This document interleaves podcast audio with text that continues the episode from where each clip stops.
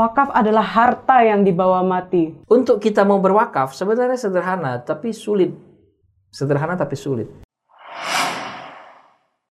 Assalamualaikum warahmatullahi wabarakatuh. Halo sahabat Jiswap, selamat datang kembali di Ngobrol Jiswap, sebuah podcast dari DPF TV yang akan menyajikan obrolan santai seputar Jiswap untuk meningkatkan literasi finansial demi membangun peradaban.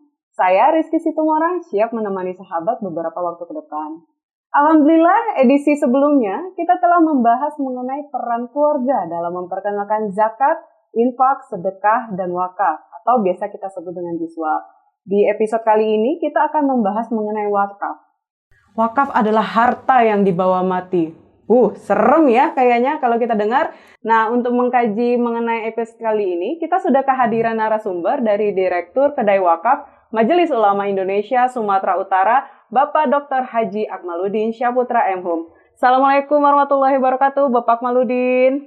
Waalaikumsalam warahmatullahi wabarakatuh. Bagaimana Bapak kabarnya pagi hari ini? Alhamdulillah, alhamdulillah. Alhamdulillah tetap sehat dan aktif ya Pak ya.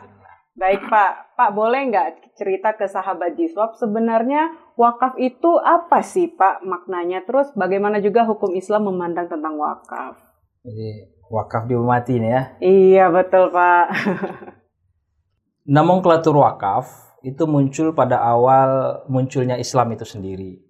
Ya, ketika Rasulullah SAW berhijrah dari Makkah ke Madinah, itu sesampainya di Madinah, beliau memperkenalkan wakaf kepada kaum muslimin.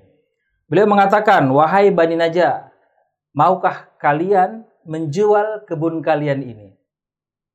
Mereka menjawab, "Ya, tapi demi Allah, kami tidak akan meminta harganya." Kecuali mengharapkan pahala dari Allah Subhanahu wa taala. Jadi nomenklatur wakaf itu muncul pada awalnya Islam. Oh, Bahkan yang terkenal itu ya adalah ketika Umar bin Khattab itu mendapat tanah di Khaybar. Mhm. Ketika Umar bin Khattab mendapat tanah di Khaybar, dia melapor kepada Rasulullah Sallallahu Alaihi Wasallam, wahai Rasul, aku mendapatkan tanah di Khaybar yang aku belum pernah mendapatkan tanah sebaik ini. Lantas apa yang aku aku lakukan kata Umar. Lantas Rasul menjawab, kalau kau mau insyita, kalau kau suka, tahan pokoknya dan sedekahkan hasilnya. Jangan dijual, tidak boleh dijual. Jangan dihibahkan, tidak boleh dihibahkan dan jangan diwariskan atau tidak boleh diwariskan. Jadi di situlah muncul nomenklatur wakaf. Dan memang kalau kita lihat zaman dahulu itu, para sahabat itu, Kak Rizky, benar-benar menerapkan firman Allah. Ya kan? Lantana lal birra hatta tunfiku mimma tuhibbun. Sekali-kali kamu tidak akan pernah mendapat sebuah kebaikan sebelum kamu menafkahkan yang paling kamu sukai. Hmm. Jadi Umar bin Khattab itu sudah melakukannya. Jadi ketika dia dapat tanah yang terbaik bagi dia, itu yang dia wakafkan. Wah, masya Allah. Jadi para sahabat itu luar biasa, memang memperkenalkan wakaf itu. Dan begini, eh, Kak Rizky, dahulu memang wakaf itu awal-awalnya itu lebih banyak yang produktif. Oh, seperti itu ya, Pak. Ya, ya kan tadi contohnya Umar bin Khattab yang diwakafkannya itu bukan bukan kuburan, bukan masjid, ya, bukan berarti tidak baik, itu ya, bagus benar, sekali. Benar. Tetapi yang mereka wakafkan itu kan kebun. Benar, kebun. Sehingga kebun itu menjadi milik umat Islam, milik Allah. Konsepnya kan wakaf ini Allah kasih sama kita, kita kasih lagi sama Allah. Makanya hmm. itu bisa dibawa mati memang.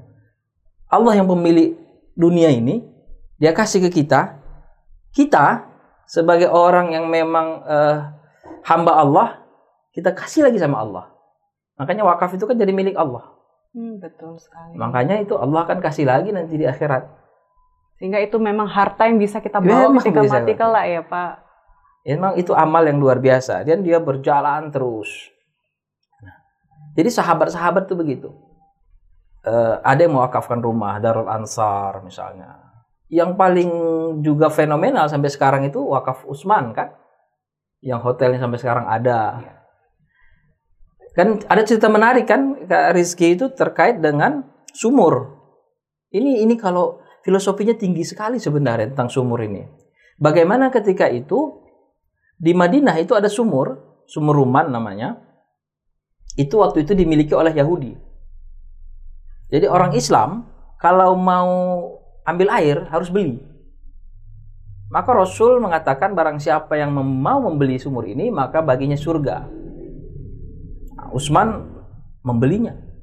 Tetapi Yahudi nggak mau jual. Nah, nggak mau saya jual. Ini kan tempat yang paling strategis nih, bisnis Hmm. paling strategis di Arab waktu itu, ya kan? Karena air susah.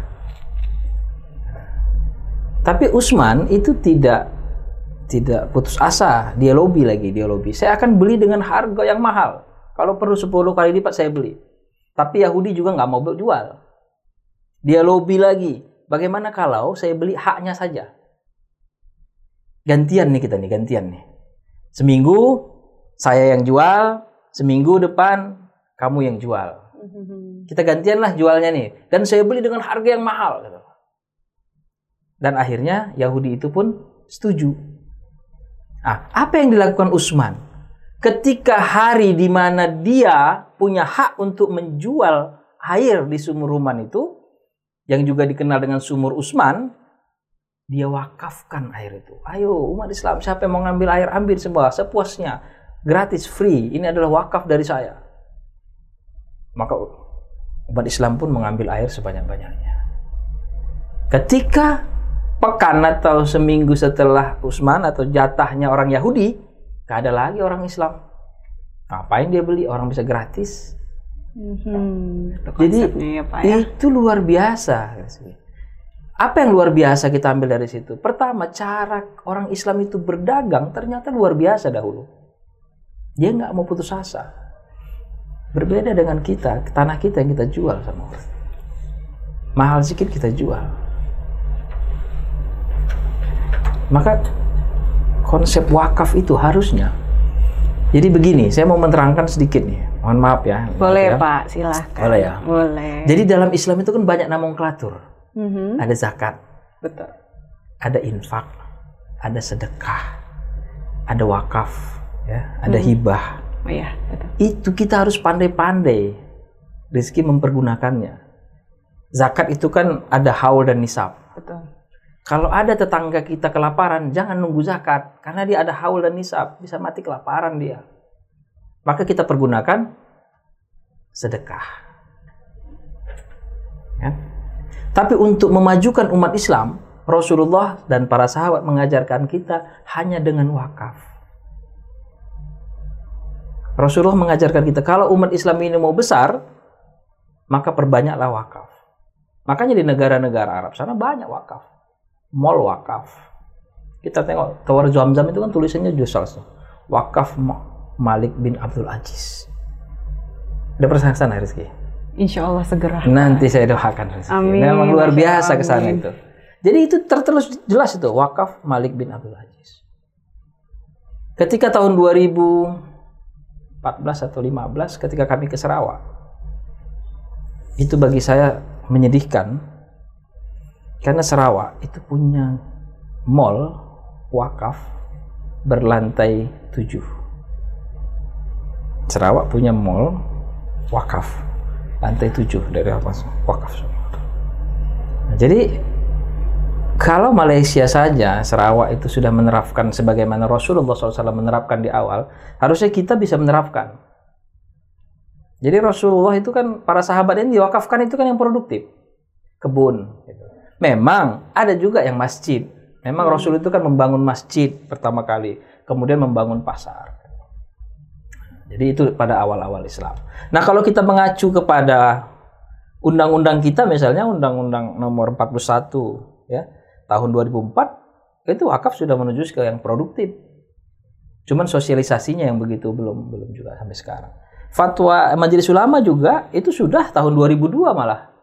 Lebih dahulu tahun 2002 tentang wakaf uang. Ada nanti ada wakaf uang, ada wakaf melalui uang. Nah itu Kak Rizky bisa membedakannya itu. Berarti kalau kita bicara jenisnya tidak hanya terkait wakaf produktif aja tadi ya Pak, ternyata ada wakaf tunai kurang lebih ya, Iya. berarti seperti itu. Jadi itu kan ada yang menggabungkannya. Ada yang menggabungkannya wakaf tunai itu wakaf produktif gitu. Mm. Ada yang memisahkannya. Tergantung kita lah. Ini kan kalau akademisi itu kan kadang disatukannya wakaf, Ada wakaf juga. dibagi dua katanya. Wakaf ada wakaf eh, wakaf produktif, ada wakaf yang biasa. Nah, Mm. Biasa itu kayak mana Pak katanya? Yang kuburan, yang masjid itu wakaf biasa yang nggak produktif. waktu ya. Oh nanti wakaf uang di mana? Ada lagi berarti wakaf uang. Tapi bisa juga dibagi dua. Ada lagi wakaf melalui uang. Wakaf melalui uang ini pernah dengar nggak? Pernah Rizky? dengar Pak. Di beberapa Tahu lembaga ambil zakat kan juga sudah mulai menerapkan. Sebenarnya wakaf itu. melalui uang itu sudah lama kita terapkan. Itu kalau kita bangun masjid, itu wakaf melalui uang. Kan kita kasih uang tuh. Benar. Cuman nggak dianggap seperti wakaf melalui uang, nggak ditulis. Padahal sebenarnya itu wakaf melalui uang. Jadi pada dasarnya praktek sehari-hari itu sudah kita laksanakan tapi bisa jadi karena masih awam dengan istilah ya Pak Iya. ya. Wah, ilmu baru nih buat sahabat Jiswap. Iya. Jadi kalau tadi boleh dibantu jelaskan lagi sebenarnya jenis-jenis wakaf yang secara harfiah itu ada wakaf apa aja nih Pak Akmaluddin? Jadi wakaf itu kan nomenklaturnya itu ada dalam da- di awal Islam, tapi dia terus berkembang. Berkembang ya Pak Dia ya terus seterusnya. berkembang. Ya. Stuck misalnya pada wakaf-wakaf yang tidak bisa berubah misalnya, bisa berubah tanah gitu. Kan tanahnya memang untuk untuk dia hancur itu kan kecil kemungkinannya. Ya. Tetapi sebenarnya wakaf itu berkembang. Ada wakaf namanya nanti wakaf yang untuk ahli. Ya, ada wakaf ahli. Kalau pernah dengar wakaf ahli itu apa? Misalnya kalau Kak Rizky punya keluarga, wakafkan gedung misalnya. Untuk siapa manfaatnya gedung itu? Untuk keluarga Kak Rizky. Hmm, Sebenarnya udah banyak. Orang-orang dulu juga ada kuburan, dia wakafkan untuk umum sebelah sana. Dia wakafkan lagi untuk kuburan keluarga. Tapi Pak kalau pada prakteknya misalnya kita contohkan masalah kuburan tadi ya, Hmm. ada kuburan yang untuk umum dan ada juga kuburan yang untuk keluarga. Hmm. Boleh nggak Pak di dalam prakteknya kuburan yang khusus keluarga itu ternyata ada untuk masyarakat umum juga itu bagaimana kalau seperti itu hukumnya Pak? Boleh kalau keluarganya mengizinkan. Berarti memang Ada. harus ada akad dulu di awal ya Iya. Pak, ada izin ya berarti ya Pak. Jadi kalau cerita akad Ibu eh, Kak Rizky itu penting sekali dalam Islam. Jadi apalagi kita mazhab Syafi'i, itu di tebing itu ada masjid yang mau diganti dengan dia dia perlebaran masjid Mhm. itu. Tapi itu menjadi perdebatan kenapa?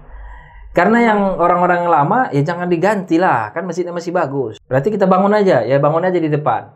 Oke, udah dibangun di depan. Yang lama mau diapain? Mau dipakai untuk sekolah ngaji? Oh janganlah. Kenapa? Karena akadnya dulu untuk sholat. sholat. Jadi itu problemnya panjang memang akad itu. Kenapa akad itu penting? Makanya kalau saya menghimbau, kalau kita mewakafkan, kalau kita memang mewakafkan untuk Allah, udah akadnya itu luas aja. Gitu. Jadi tidak hanya sekedar untuk ibadah, memang Iya. semua semua dikembalikan kepada untuk kepada Allah ya Pak. Kepada berarti. Allah Subhanahu Wa Taala. Ya. Jadi ada wakaf yang produktif bisa uang, bisa melalui uang. Kalau yang kita terapkan misalnya ini kan melalui uang nih. Ini yang ada kita buat di studio ini, studio kita wakaf itu kan melalui uang. Melalui uang, jadi orang itu bebaskan saja kita. Bebaskan saja kita mau lakukan apa. Jadi eh, harapan kita semua umat Islam itu jangan terlalu kaku dalam ikrar wakaf misalnya. Misalnya dia mau bangun masjid, saya wakafkan ini untuk masjid, tanah ini untuk masjid dan untuk pembangunan kualitas umat Islam misalnya. Jadi harus ada akadnya waktu langkah itu. Jangan untuk masjid aja. Ya, tapi kalau untuk masjid aja pun boleh. Ini kan agar kita bisa lebih memanfaatkan. Baik. Nah, Jadi Pak mau nanya juga, ter- kalau kalau misalnya kita mau berzakat kan tadi jelas ya ada nisabnya dan haulnya. Kalau untuk wakaf sendiri ada nggak memang kriteria khususnya yang siapa saja nih umat muslim muslimin yang boleh berwakaf itu ada syaratnya atau seperti apa? Iya. Syarat berwakaf itu ada tentunya. Salah satunya adalah Islam. Ya, Islam itu itu flat lah itu ya. Islam, Bali, berakal, ya kan? Iya. Ya kan?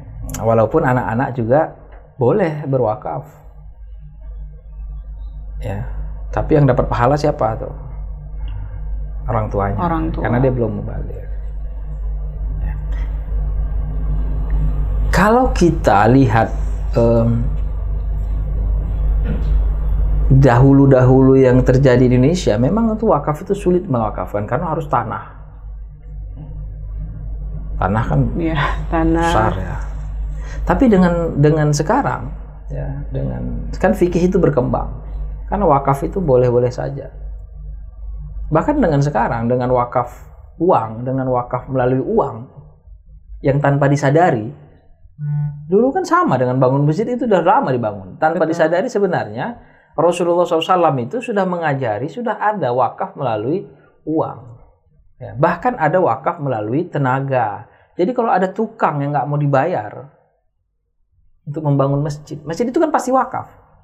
Jadi masjid itu diikrar wakafkan atau tidak diikrar wakafkan, dia wakaf. Oh, seperti itu ya, Pak Ya, ya. itu fatwa MUI tahun 82.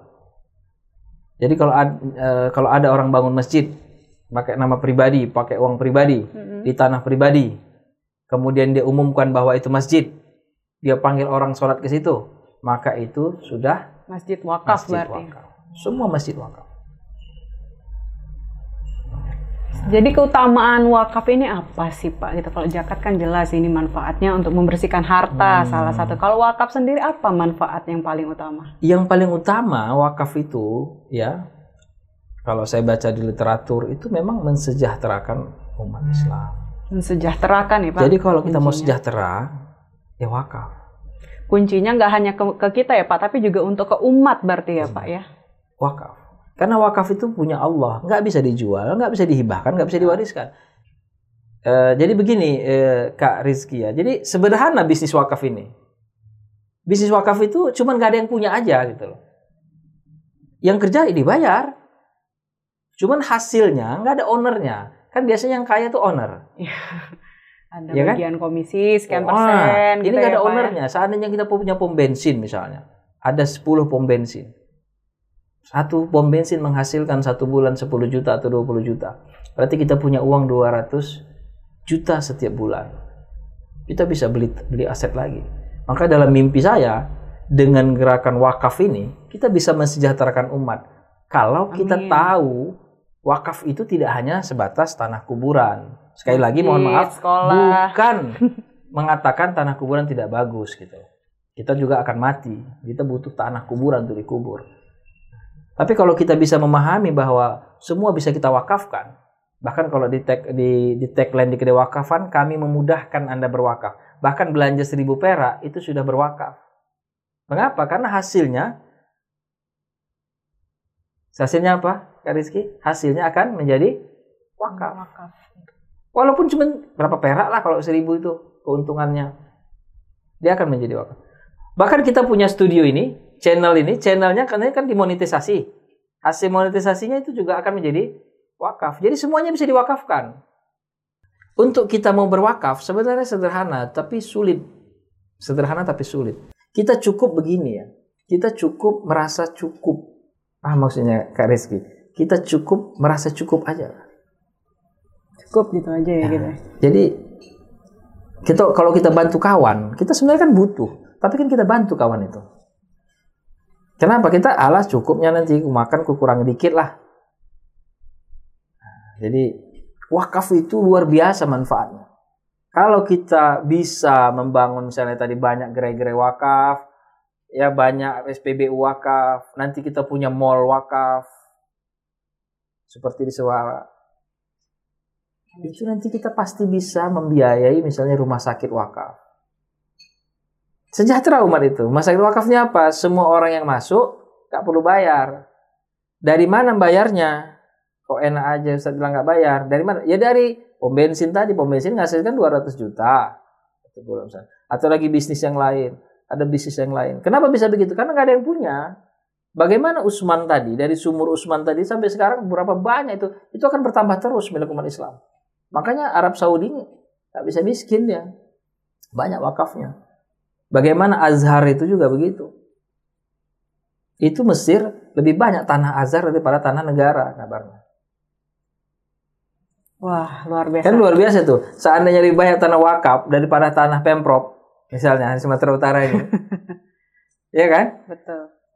yang diproduktifkan. Banyak juga ya masjid-masjid itu kan wakaf. Yang diproduktifkan. Nah ini melalui Kak Rizky lah ini. Bagaimana mensosialisasi bahwa wakaf itu harus produktif gitu. Karena Rasul mencontohkan yang produktif. Bari Najak tadi.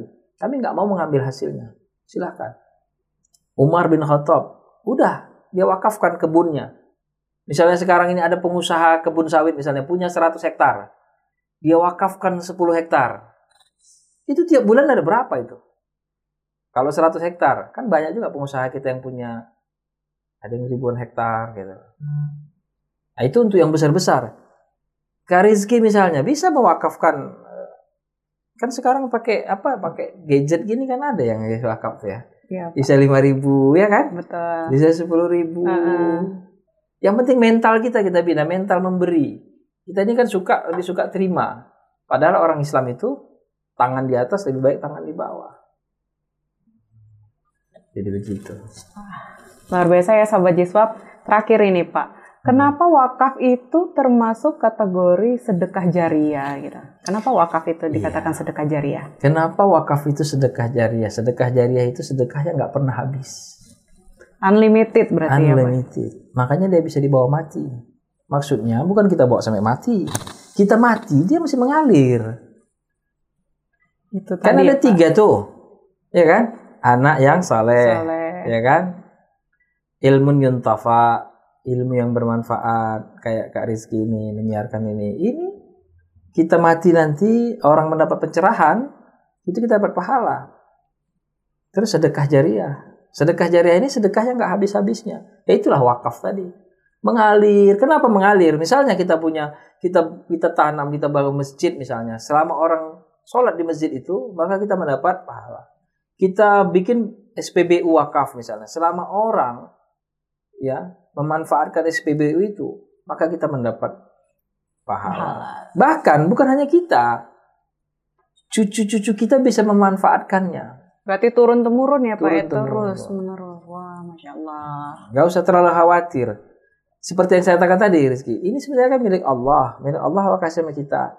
Kok berat kita kasih kali lagi ke jalan Allah. Allah. Kita kasih lagi lah ke Allah. Gitu.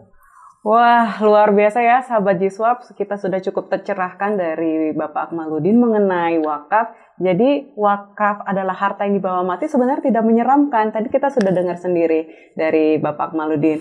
Bapak, terima kasih atas pencerahannya hari ini ya Pak ya. Terima kasih, tetap sehat dan aktif ya Bapak. Baik sahabat Jiswap, terima kasih sudah menyaksikan program Ngobrol Jiswap. Jangan lupa untuk menyaksikan episode selanjutnya setiap hari Jumat pagi jam 9 dan jangan lupa untuk like, share, dan subscribe channel kita di DPF TV. Saya Rizky Situmorang undur diri, tetap sehat dan aktif dengan zakat dan wakaf produktif. Assalamualaikum warahmatullahi wabarakatuh. Waalaikumsalam warahmatullahi wabarakatuh.